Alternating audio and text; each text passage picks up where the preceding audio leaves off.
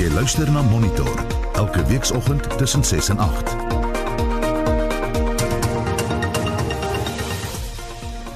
In die program vanoggend, die ANC se president, Cyril Ramaphosa, sê aanstellings in staatsinstellings moet op 'n deursigtige wyse gedoen word sodat staatskaping nooit weer in Suid-Afrika sal plaasvind nie. Ons kry ook reaksie van politieke wetenskaplikes op Ramaphosa se getuienis by die Zondo-kommissie. En na 08:30 gesels ons met RSG se stasiehoof Magdalene Kreer. Sy tree môre af na 'n loopbaan van 32 jaar by die SAIK. Goeiemôre, ek is Gustaf Greiding. En my naam is Anita Visser. Welkom by Monitor. Dis nou kwart oor 7 en jy's hier by Monitor op RSG. Die ANC het nie genoeg gedoen om korrupsie en staatskaping te beperk nie. President Cyril Ramaphosa het gister die bekentenis aan die Zondo-kommissie van ondersoek na staatskaping toe nou gemaak. Die kaping sê hy het eers na die tyd duidelik geword. Die kommissie het gister byna die hele dag vrae aan Ramaphosa gestel oor die ANC se kaderontplooiingsbeleid en die komitee dan. Mitsi van der Merwe doen verslag. President Cyril Ramaphosa het in sy openingsverklaring gesê hy getuig nie voor die kommissie vir die ondersoek na staatskaping om verskoning te maak vir die regerende party of die onverdedigbare te verdedig nie. The ANC has taken this position knowing that the organization would itself be placed under great scrutiny and that the process of examining these matters would very likely be difficult and painful for the ANC. Nevertheless, the ANC maintains that this commission is a necessary part of the broader social effort to end all forms state capture and corruption. Ramaphosa het voor die kommissie as hoof van die ANC verskyn. Hy sê die party het nie baie aandag aan die verskynsel van staatskaping gegee nie. Dit is in 2011 vir die eerste keer deur die minister van vervoer, Fikile Mbalula, by 'n nasionale uitvoerende komitee geopper. Mbalula het gesê hy is van sy kabinetsaanstelling ingelig deur AJ Gupta voordat dit gebeur het. Ramaphosa sê die ingrype wat daarna gevolg het deur die destydse parlementêre hoofsweep Wile Jackson Mthembu en die sekretaris-generaal toe, Gwede Mantashe, was onvoldoende. It had shortcomings in living up to the expectations of the people of South Africa in relation to enforcing accountability and engendering a culture of effective consequence management. As the leadership of the ANC newly elected at its 54th conference, we acknowledge these shortcomings as an organization. In sy antwoord oor die ANC se kaderontwikkeling en ontplooiingsbeleid, het hy gesê dis nie uniek aan die ANC nie. Cadred deployment cannot be faulted in principle. It is a common feature of democratic practice around the world. And I think if properly described and is not diluted through various other intents and forms. It is a useful process used by governing parties around the world to make sure that the mandate that they have been given by the populace is carried out. But we would concede that there are weaknesses in its practical implementation that make the case for greater clarity both within political parties and the state. Ramaphosa het gesê hy weet nie van die hoeveelheid aanstellings wat op die rade van die semi-staatsinstellings gemaak is deur Jacob Zuma met die beweerde bedoeling om die staat te kaap nie. Hy het bygevoeg dat dit moontlik is om aanstellings te maak sonder om dit deur die ontplooiingskomitee te doen wat hy self as staatspresident verkeerdelik gedoen het. Hy het ook gesê sommige aanstellings is gemaak voordat hy die adjunkpresident geword het. The fact that there, there, there was state capture and uh, there was something horribly wrong going on. So some of these appointments would have happened in that course of time. With hindsight, then became aware that there was a common thread, and if you joined the, the dots, you would find that there was something that was amiss that that was really happening. President Ramaphosa is vandag weer voor die kommissie om as hoof van die ANC te getuig. Bushi Shimombe van die politieke redaksie het hierdie verslag saamgestel. Mitsi van der Merwe, SAK nuus. En ons bly by die storie en vir hulle kommentaar oor president Ramaphosa se verskyning voor die Zondo-kommissie, praat ons nou met professor Antoni van Nieuwkerk van Wits Universiteit se skool vir regeringskunde. Môre Antoni. Uh, Goeiemôre. En Roland Henwood van die Universiteit van Pretoria. Môre Roland. Goeiemôre Anita en Antoni. Roland, kom ons begin by jou jou oorhoofse indrukke. Ek dink die die positiewe is die die feit dat die president verskyn het, die manier wat hy die kommissie hanteer het, ehm um, die feit dat verantwoordelikheid aanvaar word vir probleme. Die probleem is egter dit is baie algemeen en en op 'n manier aangebied wat nie eintlik dui op iemand wat spesifiek verantwoordelikheid vir optrede aanvaar, spesifieke besluite wat geneem is nie. En dis ook die vraag wat regter Zondo gevra het. Geef vir ons detail, gee vir ons die spesifieke gebeure wat skeef geloop het, die mense wat betrokke was, want dit is wat die kommissie na op soek is. Ja. Sal Ramaphosa se vertoning nou by die by die kommissie enige effek hê op die tweespalt binne die ANC geleedere? Is hy besig om daar ook nou te speel na daardie gehoor toe binne sy eie party? Op 'n manier is die president besig om te doen wat hy nog altyd gedoen het as president van die ANC en dit is om die eenheidsidee bevorder. Ons as ANC neem verantwoordelikheid. Ons as ANC het die volgende ten doel. Hy het in baie mooi terme gaan beskryf wat eintlik met die ontplooiingskommissie se bedoeling is en hoe dit eintlik moet werk. Maar hy het bitter min verwys na die gruwelike foute wat gemaak is. Die feit dat 'n deel van die probleme wat Suid-Afrika nou het en 'n deel van staatskaping het juist te doen met die feit dat die ontplooiingskommissie nie gewerk het nie. Ehm um, en en dan baie belangrik is dat So hy speel die eenheidskaart, hy speel die rol van die ANC neem verantwoordelikheid. Hy vervreem nie iemand in die proses nie. En ek dink die toets gaan kom by wanneer hy spesifieke vrae moet begin beantwoord. Gaan hy dan begin om blame te lê of gaan hy nog steeds die kollektiewe verantwoordelikheid aanvaar wat eintlik beteken almal is skuldig en niemand is regtig skuldig nie? Antonie, ons het nou terugvoer vanoggend gehad van ons luisteraars en uh, een baie loyale luisteraar Rex Bester skryf: "Adjunk hoofregter Zondo het per geleentheid saam met die getuienisleier advokaat Pretoria se ongemaklike vrae gestel en nog 'n luisteraar Louis van die kerk het gesê hy het dit nie verwag nie, maar hy moet sê dat advokaat Pretoria was baie goed. Hy gebruik die woord uiters goed voorberei. Stem jy saam?" Ja, ek doen. Uh, Anita, ek ek koop die kragterigheid is nou weg. Dis weg. Ja, ja. so, my perspektief is dat ehm um, weet mense het 'n bietjie van 'n frustrasie. Ek het so 'n bietjie na Roland geluister nou. Mense oor die algemeen het die publiek 'n bietjie van 'n frustrasie. Die die man moet nou erken uh en verantwoordelikheid neem hy homself as jong president, volle president aan aan die hoof van sake, intelligente man. Hoekom sê hy nie dat hy raak gesien het wat gebeur het nie? Aan die ander kant moet ek ook sê, dis 'n proses wat hier afspeel. Hy is vandag weer by die Zondo-kommissie en ek weet nie of hy nog môre ook nog daar gaan wees nie. Hy moes eintlik Maputo toe gaan het om die Mosambiekse krisis te help oplos. Mm. Maar ons het hom vir 'n paar dae en die Zondo-kommissie is vir maande lank aan die gang. En as mense nou 'n bietjie van 'n 'n 'n 'n navorsingsperspektief hou op die proses, dan speel dit ding. Dis soos die waarheids- en versoeningskommissie destyds gee 'n bietjie tyd en ruimte vir al hierdie goeders om uit te speel sodat ons op 'n stadium in die boek kan opskryf wat alles gebeur het en wat reg en verkeerd geloop het. Ek dink dat Zondo en Pretoria het die het, is is verstandig. Hulle het sag begin en vir Zuma ag vir president Ramaphosa kans gegee om sy ANC standpunt te stel. Wat ek dink gaan gebeur vandag en môre of in die loop van sy getuienis is ek dink die lemme gaan skerp gemaak word en die tande van die Zondo-kommissie gaan nou gewys word. Dit is inderdaad so dat die man homself, president Ramaphosa, man sal moet staan vir 'n paar besluite waar waarvan hy aan die hoof was. Antonie, wat wel gebeur het dat dit gister al so half begin die regter self het begin vra maar hoe kan hierdie ontkader ontplooiingskomitee wat jy beskryf as nou so goed in die wêreld oor doen hulle dit dan al hierdie klomp hmm. foute gemaak het. Hoekom elke raad van elke staatsonderneming het dit skeef geloop en uitmekaar uit begin val? Waar was die fout dan? Ja, so dis dis dis my eie persoonlike frustrasie is dat ehm um, meneer Ramaphosa wat soos ek sê is 'n is 'n intelligente en 'n verstandige en 'n 'n mature politician as ek dit so kan stel dat hy uh huiwerig is om te sê wat hy gesien het gebeur het. Ek wil 'n vinnige lukrake voorbeeld gebruik.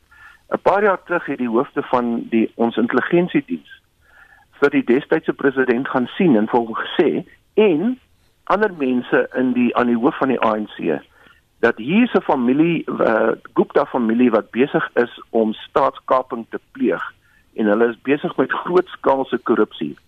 Uh en die president toe het die mense laat bedank. Hy het ontslaag geraak van die hoofde van die intelligensiediens. Uh, dit kan nie wees dat meneer Ramaphosa nie daarvan geweet het nie. En met ander woorde, dis een van die vrae soos soos 'n reeks ander vrae veral oor die uh, die SOE's, die staatsbeheerde instellings. Wat het daar skeef geloop?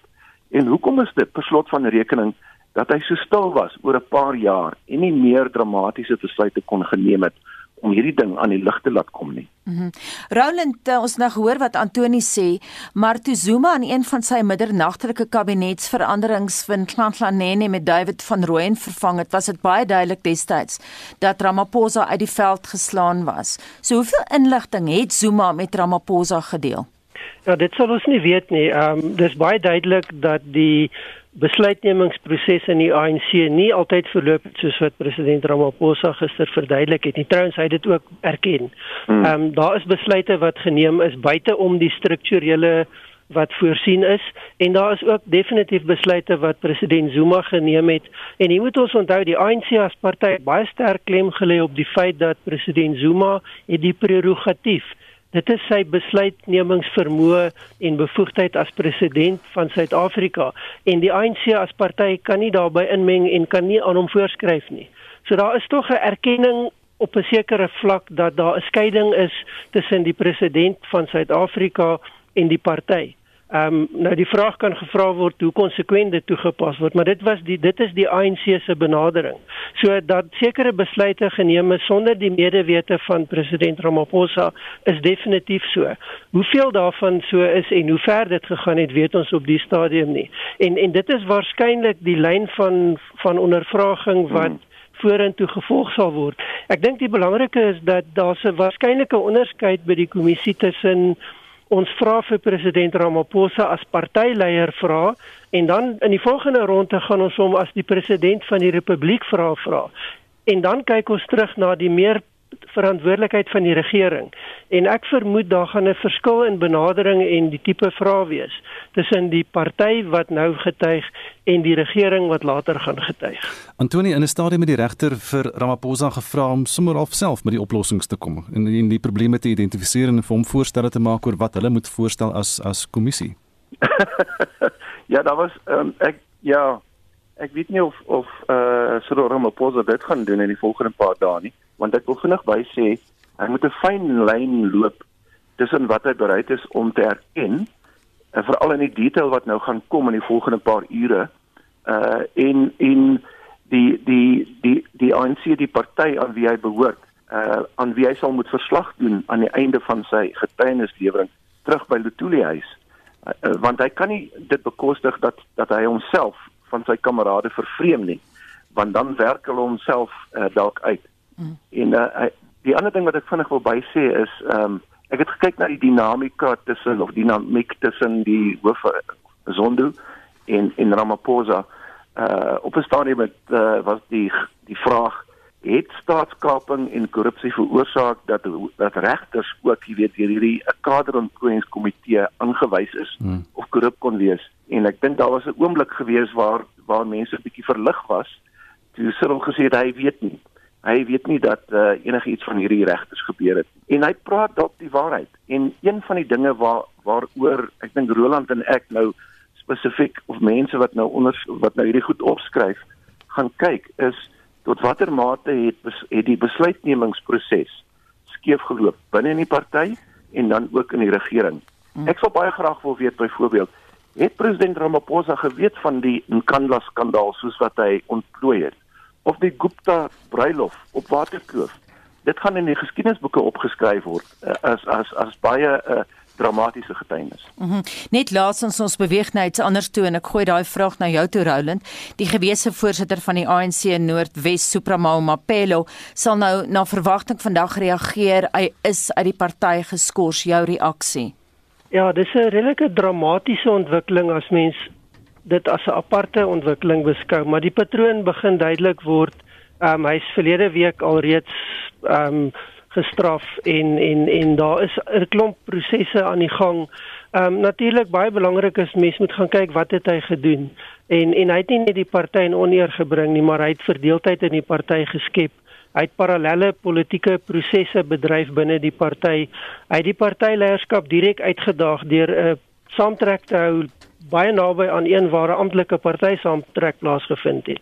So dit is 'n absolute ondermyning van die party van van die idees van dit wat die party veral op die stadium onder president Ramaphosa probeer bereik en daarom dan sy skorsing. Nou, dit het verrykende implikasies want hy mag aan geen partyaktiwiteite deelneem nie. Hy word ook verwyder van die lys van partyverteenwoordigers. Met ander woorde, hy gaan ook uit die parlement verwyder word tensy hy suksesvol kan appeleer teen hierdie besluit van die dissiplinêre komitee. Dat dit konflik ja. gaan skep is so, dit is 'n baie dramatiese stap. Baie dankie Roland Henwood is van die Universiteit van Pretoria en ons het ook gepraat met professor Antoni van Nieuwkerk van Wits Universiteit se skool vir regeringskunde. Jy luister na Monitor elke weekoggend tussen 6 en 8. 731 die hoofnuus die ANC president Cyril Ramaphosa sal vandag sy getuienis by die Zondo-kommissie voortsit. En COVID-19 gevalle in Indië het nou die 18 miljoen kerf verbygesteek nadat daar in die afgelope 24 uur siklus nog 'n rekordgetal nuwe gevalle van bykans 380 000 bevestig is. Bly by ons. En van daai SMS'e gepraat, ek sien na Hendrik party van ons luisteraars se spoeg swaal. Aneta ja, Marie van Pretoria sê ons weet wat die ANC met staatskaping gedoen het, meneer Ramaphosa, ons wil weet wat jy gedoen het of nie gedoen het nie toe jy moes optree.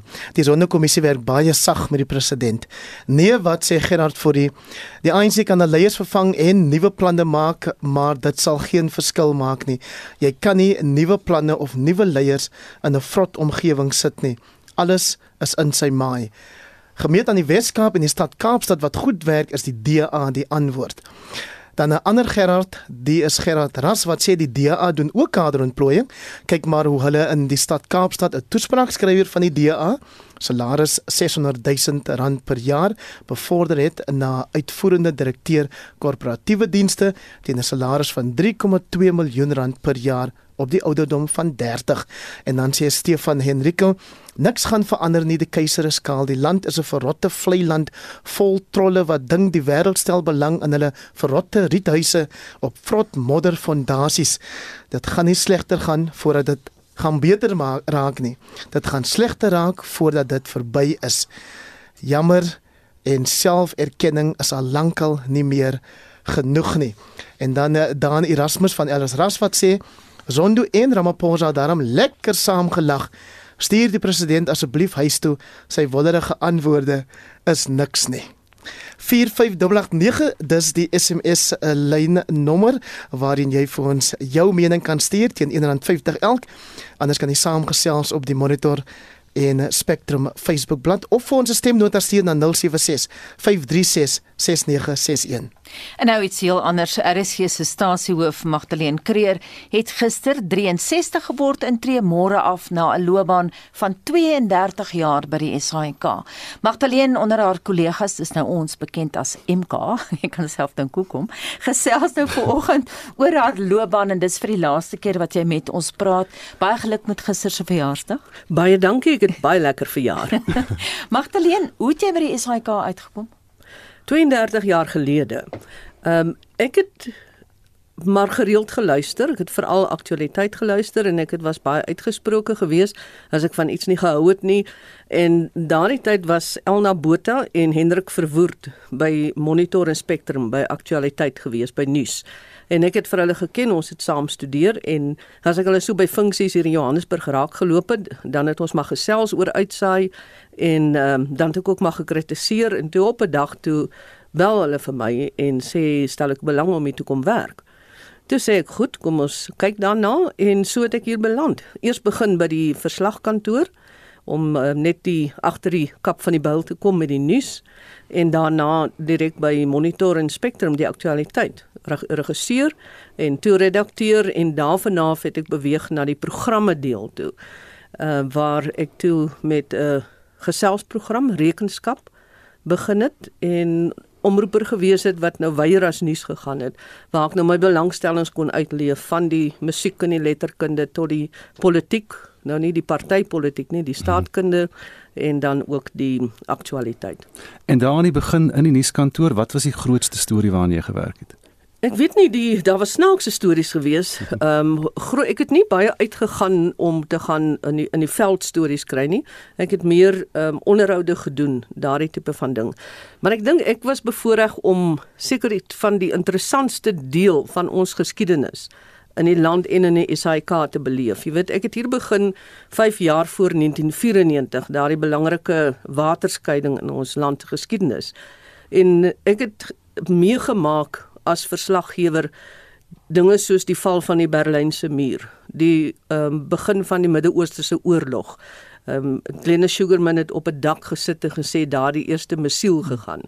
Die vrylating van Nelson Mandela. Ek was in Soweto by sy huis gewees om verslag te doen daarvan die eerste Afrikaanse onderhoud wat met hom gedoen is, het ons almal na die destydse Shell House gegaan, vier want elkeen het ietsie gedra, een 'n notaboek en een 'n pen.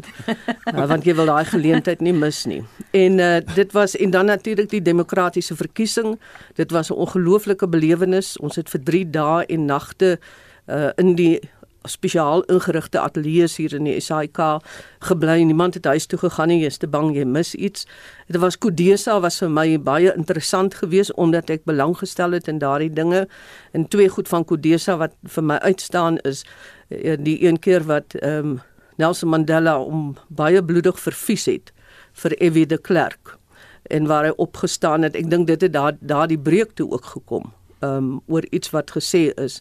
Dan die ander ene was uh, toe ons hoor my hier kom nou 'n 'n panservoertuig deur die ja. glaspanele, ek weet nie of jy onthou ja, nie, ja, by die Wêreldhandelsentrum gewees en ons almal hardloop en kyk uh, wat gebeur daar. So daar was verskeie ander goed, ook menslike stories. So mm. ek was bevoorreg regtig om in die in daardie tye deel te wees van die nuusspan. Magdalene, wat is die snaakste ding wat nog ooit met jou gebeur het op die lig? O, jy sien, is baie so snaakse goed agter die skerms. Vroeger jare het ons dit mos nou die flafband genoem. Mm. En ehm uh, dan het ons dit nou as haar foute was, goed gedoen, maar daar is baie ehm um, pret ook uh, tussenin en baie pret wat ons maar self ook aanstig. Deesdae is mense te ernstig, jy weet as iemand iets doen aan iemand in 'n ateljee dan is hulle onmiddellik ontevrede of dit word 'n dissiplinêr griewe dissiplinêr of 'n griewe prosedure. Dit vat so 'n bietjie daai lekkerte daar uit. Maar ek onthou ek het As ek nou vinnig net moet dink jy sin vinnig op my. Ek het deernagskofte gedoen toe ons nog die deernag lewendig aangebied of regstreeks aangebied het. En ehm um, nou bel die mense in oor 'n onderwerp. Ek het altyd gehou daarvan om oor 'n politieke onderwerp of iets te praat tussen middernag en 1 uur van alle tye. Maar dan jy, jy het jou mense wat daaroor wil praat. Maar dan bel een aand 'n vrou in en sy klink vir my nie alleen nie menende, jy weet, die spraak is nie so lekker nie.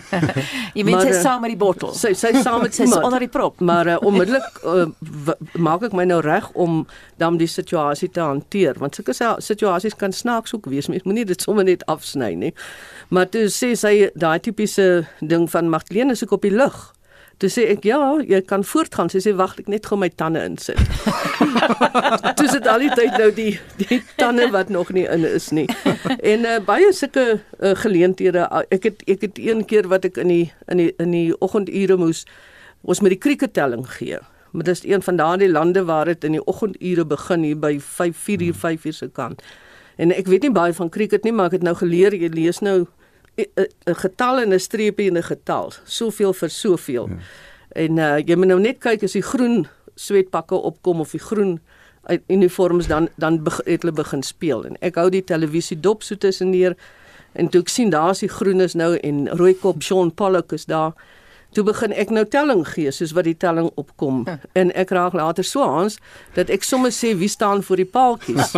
In wie bil, maar dan sien ek hierdie skakelbord se liggies gaan almal aan in ehm um, julle sal weet as daai liggetjies dit beteken- almal gaan dan iewers is daar fout. wat jy genoem en ek antwoord toe een van daardie lig die oproepe toe sê die persoon hy wil net vir my sê ek is nou nog besig met 'n herhaling van 'n vorige wedstryd hulle het nog nie begin speel nie Was jy ooit baie sulke goedes. Was jy ooit in jou lewe bang gewees vir die rooi lig wat wat ons almal in 'n ateljee mee moet moet moet saamleef? Ek dink nie bang nie. Ek ek dink 'n mens het 'n as jy as jy by radio werk, dan leer jy dit aan of jy het 'n ingeboude weer weet jy kan sulke goeters en spanning hanteer. Want jy kan nie in in radio werk en met uh, spertye werk en met rooi lig as jy nie sterk senuwees het nie. En as jy nie alles kan hanteer wat gebeur nie. Ek ek onthou een keer dit is ek het al klaar opgehou uitsaai. Ek was al in die bureau- bureaukrasie gewees en ehm um, so net voor 6:00 aankom my kollega Herman Steyn, sy kantoor is reg oor kan die ateljee. Hy kom sê vir my Magdalene, hier's dis nou 5 voor 6 en hier's nog niemand in die ateljee nie vir die 6 uur nuus en die aanskof nie, die persoon het vergeet. Ek sê nou maar goed Herman, dan is dit nou ek en jy. En ek ek ek, ek kan nie die kontrolebank werk nie want dit is 'n nuwe kontrolebank. Ek sê ek sal nie nuus lees, jy staan oor my skouer, jy trek die dowers oop en jy laat ek kan lees. Nou sit ons, dan begin ek en ek kan ek net nie begin nie. Dit was ek sal nooit vergeet nie. Ek kon glad nie lees nie. Daai rooi lig was vir my iets verskrikliks geweest. Ek het net ek was so uit oefening geweest. Daar wou nie 'n woord uitkom nie. Ek en dan en, en ek is bang. Dan sê ek nee Herman, ek kan nie, jy moet. Dan sit Herman. dan sê Herman nee, hy kan nie. En toe besluit ek wel ons moet iets doen. En toe sê ek nou goed, gooi die rooi lig vir my soos ons mos nou sê. Toe ja. sê ek daar is nou ongelukkig nie nuus vandag nie, maar hier is die weervoorspelling. Magdalene, as mens nou in die argief gaan luister na stories wat toentertyd nog op die Afrikaanse dienste uitgesaai is, dan is dit baie duidelik dat die styl van uitsaai baie verander het oor die jare. geweldig baie verander. En dit is nie noodwendig verkeerd nie. Ek sê altyd baie mense sê dinge het het, het in slegste verander. Dit het verander, maar dis nie verkeerd nie. En as ons kyk na vroeë jare was dit baie meer formeel geweest en jy moes uh, siekies wees. Jy jy jy mag nie jou persoonlikheid na vore gebring het nie. Jy moes jy amper nie gesê het jy mag nie gesê het ek dit is Anita Visser of Gustaf of Heinrich wat praat nie en elke kwartier jou naam sê of die stasie se naam sê nie. Dit was 'n uh, um, heeltemal 'n half onpersoonlike uh, manier van uitsaai. Maar as ek twee goed uh, kan uitlig uh, van hoe uitsaai verander het. Ek onthou die toe ek stasiebestuurder geword het ook.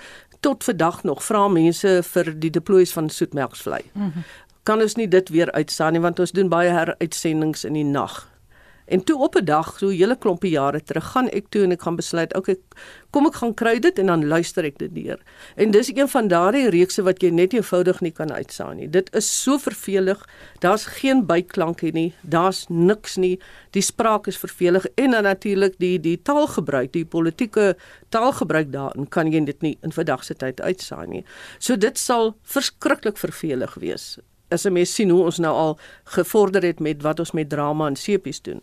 En net 'n ander voorbeeld, ehm um, die heel eerste storie wat ek en kollega Herman Steyn gedoen het, is ons is gestuur na die burgemeester, destydse burgemeester in die Faber. Ons moes 'n onderhoud met hom gaan doen, ek dink daar in Mondior se kant uh, van Johannesburg. En ons het by met die Marantz bandmasjienkie by sy huis gekom en ons het gaan sit en toe's daar in die sitkamer van hierdie grandpa weet ja. horlosies en die tik tok tik tok en ons dink hoe gaan ons nou dit stil kry. Ja. En ons het by een vir hom gevra asseblief kan hy nie daai pendulum net stil maak laat ons vir die deel, vir die duur van die onderhoud dit stil het nie. Want anders sou dit nie kon uitgesaai word nie. Vandag stuur jy eintlik vir iemand terug. Mm, as kry dit sê gaan kry daardie mm. agtergrondklank. Ja. Jy moet klank kry, die horlosie moet slaan. So daai tipe dinge het ook verander. En so radio radio as 'n medium is natuurlik baie spesiaal. Jy is 32 jaar dan in radio as 'n medium en jy praat nou van die deploys van Soetmaksplei wat dis legendaries in mense se koppe, maar dit is dan nou nie die die gehalte van vandag nie. Jong mense in media word maklik weggelok deur televisie. Maar jy sê radio is die spesiale een. Radio is die spesiale een. Kyk, my radio is klank en ek moet vir julle sê dit is daar is niks so bevredigend en so lekker om met 'n mikrofoon te sit en 'n 'n program bymekaar te sit, veral 'n hoorbeeld of 'n musiekprogram en jy kan klank bysit en jy kan dit meng of jy doen 'n onderhoud met iemand en dit is een van daardie ongelooflike onderhoude wat jy iets uit mense uitkry. En dis net dis baie intiem. Dis net jy en daai persone daai mikrofoon. En daarom ook as jy by televisie het jy 'n prentjie. Hmm. Daar kritiseer die mense baie maklik as jou hare nie reg is nie of jou oorbel hang skeef of uh, wat dit ook al is. Uh so so hulle die aandag is nie so seer op dit wat noodwendig gesê word nie. Uh ja. as jy op radio jy weet dit. 'n uh, harde asemhaal of jou tong klap ja. of iets doen dan's mense de krities daaroor want hulle hoor elke ding. Magdalene, ek dink nou skrik jy het my 'n storie vertel eendag. Ek weet nie wie die omroeper was nie. Wat gesê het, nee, ag, moenie te veel gepla wees oor die onderhoud nie. Die persoon was dronk, maar ek sal hulle nugter redigeer. Onthou jy daai storie? Ek sal hulle ek sal hulle nugter sny. ja, mis. nou die tyd het jy nou nog geplak, gesny letterlik ja, ja. en geplak en dan haal jy nou die die die dele wat nou nie so lekker is nie, haal jy uit en jy het ook mense wat wat wat nie vlot praat nie. Dit jy ja. fantasties laat praat. Ek het vir vir aartsbiskop Desmond Tutu in Afrikaans perfek vlot op lig laat laat oorkom. Hmm. Mens sal dit nooit glo nie. En jy praat nou so van vreemde dinge. Natuurlik luisteraars se reaksie kan baie vreemd wees. Ja, luisteraars is die eienaar van die radiostasie. Ehm uh, RSG sit in 'n posisie waar ons 'n lojaliteit van 47% het wat ongelooflik hoog is. Dit beteken 47% van ons luisteraars luister na niks anders as RSG nie. Hulle sal kwaad word. Daar sal onderbrekings wees wat daar so baie is deesdae, maar hulle sal nie wegskakel na ander radiostasie nie. Dis 'n voordeel en dis 'n nadeel. Hmm. Maar eh uh, daar is ook vreemde luisteraars, daar's luisteraars wat ongelooflik onverdraagsaam is, wat ongelooflik onbeskof is. Ehm um, daar's luisteraars en ek haal nou uit die wat nou dit doen. Hmm. Maar die oorgrootste meerderheid is fantastiese mense wat waardeer of wat kritiek gee want kritiek is nodig. Dit is jou klankbord wat jy het. Maar jy jy kry ook lawes soos ek sê. Soos ons praat van ons customers. Uh daar was as ek ek weet nie of ek net vinnig kan vertel daar was 'n ja. tannie van Seil gewees in die Oos-Kaap iewers. Sy het tot by prokureurs gegaan in die die uh, prokureursorde by die klagtekommissie by die SAK oral.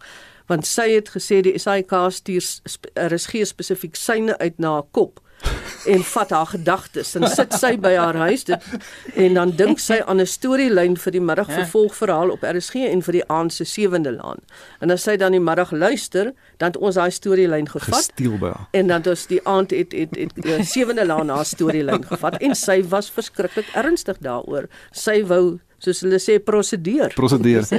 Mens moet ons moet vinnig vir jou vra voor ons gaan dat um, hierdie SAK waar ons nou is uh, in die mense weet dis nie altyd die maklikste plek gewees die laaste paar jaar nie. Hier is 'n man gewees met die naam van Gladi Motswoning en jy was in die bestuur gewees terwyl hy die baas was. Hoe hoe maklik of moeilik was dit?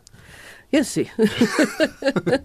Kyk, uh, ek moet vir jou sê Gustaf, die afgelope um, tyd was die moeilikste en seker ook die uitdagendste en frustrerendste en by tye ehm um, onaangenaamste tyd in my hele loopbaan. Hm. Dit is nie 'n lekker tyd nie. Uh, daar moet dinge gedoen word. Die SAK moet hom herposisioneer. Uh, moet 'n nuwe model kry waar volgens hy vorentoe gaan, maar die proses hoe dit uiteindelik gedoen is, is ek baie krities oor. En ehm um, dit nou ja, dit is dit is 'n kritiek na die tyd, maar dit is baie moeilik geweest en veral om mense ook gemotiveerd te hou. Jy weet, ehm um, is gees dit op die oomblik met 5 vaste personeellede, 7 moet nog aangestel word. Die advertensies is op die oomblik uit. Ja. Maar ek kom terug te kom by by Claudie. Ek het met hom baie goed oor die weg gekom, maar ek kom met die meeste mense goed oor die weg. Ehm um, en ek het nooit met hom self vasgesit nie. En my ervaring byvoorbeeld, as ek nou net aan een ding ding, daar was enkele uh, kere wat my probleme, my frustrasie wat ek gehad het met goed, met daagliks so goed, soos byvoorbeeld 'n drama ateljee se codex wat uh, so 'n kompressor wat ingee ja. en jy moet die akteurs huis toe stuur. Uh hy was 'n man gewees na wie toe jy kan gaan en kan sê wat jou probleme is, hy het dit opgelos. Dit was my ervaring. Ek sukkel en dan kom ek by Claudie in die aand 9uur is die ding reggestel. So mens weet nie altyd hoe dit reggestel is nie. Nee, hoef weet jy hoe dit ek gaan ek sê niks verder nie. Ek onthou net eendag het ek het ek huis toe gery van hier af en ek het hier in Auckland Park nog gery en uh ek kry 'n oproep van sy kantoor want ons het gevra weer vir 'n vergadering oor iets wat nie reg is nie. Hulle sê hy sê nou nou kom maar ek is soos ou Jan Spies se hond van destyds waaksaam. Ek het in die lug ja. omgedraai en teruggekom en ja. dit gedoen. Maar uh, ek sê nou dat dat ek met hom oor die weg gekom het, dat hy met praktiese goed gehelp het. Hy het mense se uit uit mense wat swaar kry se lewe verbeter, maar en daar stop ek. Die groot maar. So dis nou die einde van 'n loopbaan 32 jaar en baie besig die laaste ruk nog die laaste paar maande en weke en nou skielik gaan jy dit mis? Dit kom absoluut op die regte tyd. Ek was nooit van die mense wat afgetel het en gesê het ek wens ek kan aftree nie. Ek werk voluit tot môre en dis vir my dis is my lekker om die uitdagings nog ook te hanteer. Maar ek is ook nie van daai mense wat begin huil het en sad word en ja. sê ek wil nie aftree nie. Ja. Dit is Gustaf die perfekte tyd. Dit kom soos dit dit moet so wees. So teen die 1 Mei gaan die, die kop gaan nog besig wees met RSG. Die kop gaan besig wees natuurlik, my loyaliteit gaan daar wees. Ja. Maar ek ek het 'n trui om te brei. 'n Trui. Ja. Hoe gaan die trui lyk? Ek gaan vir die eerste en die enigste keer in my lewe 'n trui bly. 'n Trui brei, ja? net eene. Net eene. Net eene. Ek wil dit nog altyd doen en ek gaan leer trui. om te tik sonder om op my hande te kyk. Dis my twee aftreë bucket list. Daar's nog daar's nog baie tyd voor, ja, om dit te kan leer. Magdalene baie dankie. Ons moet aanbeweeg. Dit is nou so 7 minute voor 8. Dit was dan die uitredende RSG stasiebestuurder Magdalene Kreer en uh, soos Anita gesê het, bekend as MK hier in die SAIK. En môre is dan môre, 30ste, is jou laaste dag hier by die SAIK. En uh, dit is dan Magdalene Kreer met wie ons gesels het vanoggend hier. Ons gaan wêreldnuus toe nou gaan met Anne Marie Jansen van Vieren, dink ek, en ons praat oor uh, die FSA en die reis na Indië voordat ons 'n draai in Duitsland gaan maak. In die FSA het Joe Biden 'n toespraak gehou voor 'n gesamentlike sitting van die Kongres om sy eerste 100 dae as president te gedenk. En Anne Marie Jansen van Vieren is nou met ons. Môre Anne Marie, waarop het hierdie toespraak nou gefokus? Môre Gustav, Biden het onder meer 'n beleggingsplan van amper 2000 miljard Amerikaanse dollar voorgestel. Hy het Republikeine gesmeek om eerder saam met hom as teen hom te werk in terme van beleidskwessies. En wat buitelandse beleid betref, het Biden ook harde woorde gehad oor die bedreiging wat China vir die VSA inhou. The investments I propose tonight also advance the foreign policy in my view that benefits the middle class. That means making sure every nation plays by the same rules in the global economy, including China. In my discussion with President Xi, I told him we welcome the competition. We're not looking for conflict. But I made absolutely clear that we will defend America's interest across the board. America will stand up to unfair trade practices that undercut American workers and American industries like subsidies and the theft of American technology and intellectual property. I also told President Xi that we'll maintain a strong military presence in the Indo Pacific, just as we do with NATO and Europe. Not to start a conflict, but to prevent one. Die Amerikaanse president Joe Biden. In Indië berig die nuusagentskap Reuters of uit Indië dan dat die land se COVID-19 infeksies tot 18 miljoen gestyg het nou. Ja, en terwyl die FSA meer as 100 miljoen Amerikaanse dollar bewillig het om mediese voorrade aan Indië te stuur, het ook Rusland besluit om die land te help. In die vroeë oggendure het twee Russiese vlugte in New Delhi geland met meer as 22 ton mediese voorrade aan boord. Dit sluit in suurstofkonsentraat, ventilasietoerusting, bedmonitors en ander noodsaaklike medisyne. So vertel die Russiese ambassadeur in Indië, Nikolai Kudashev.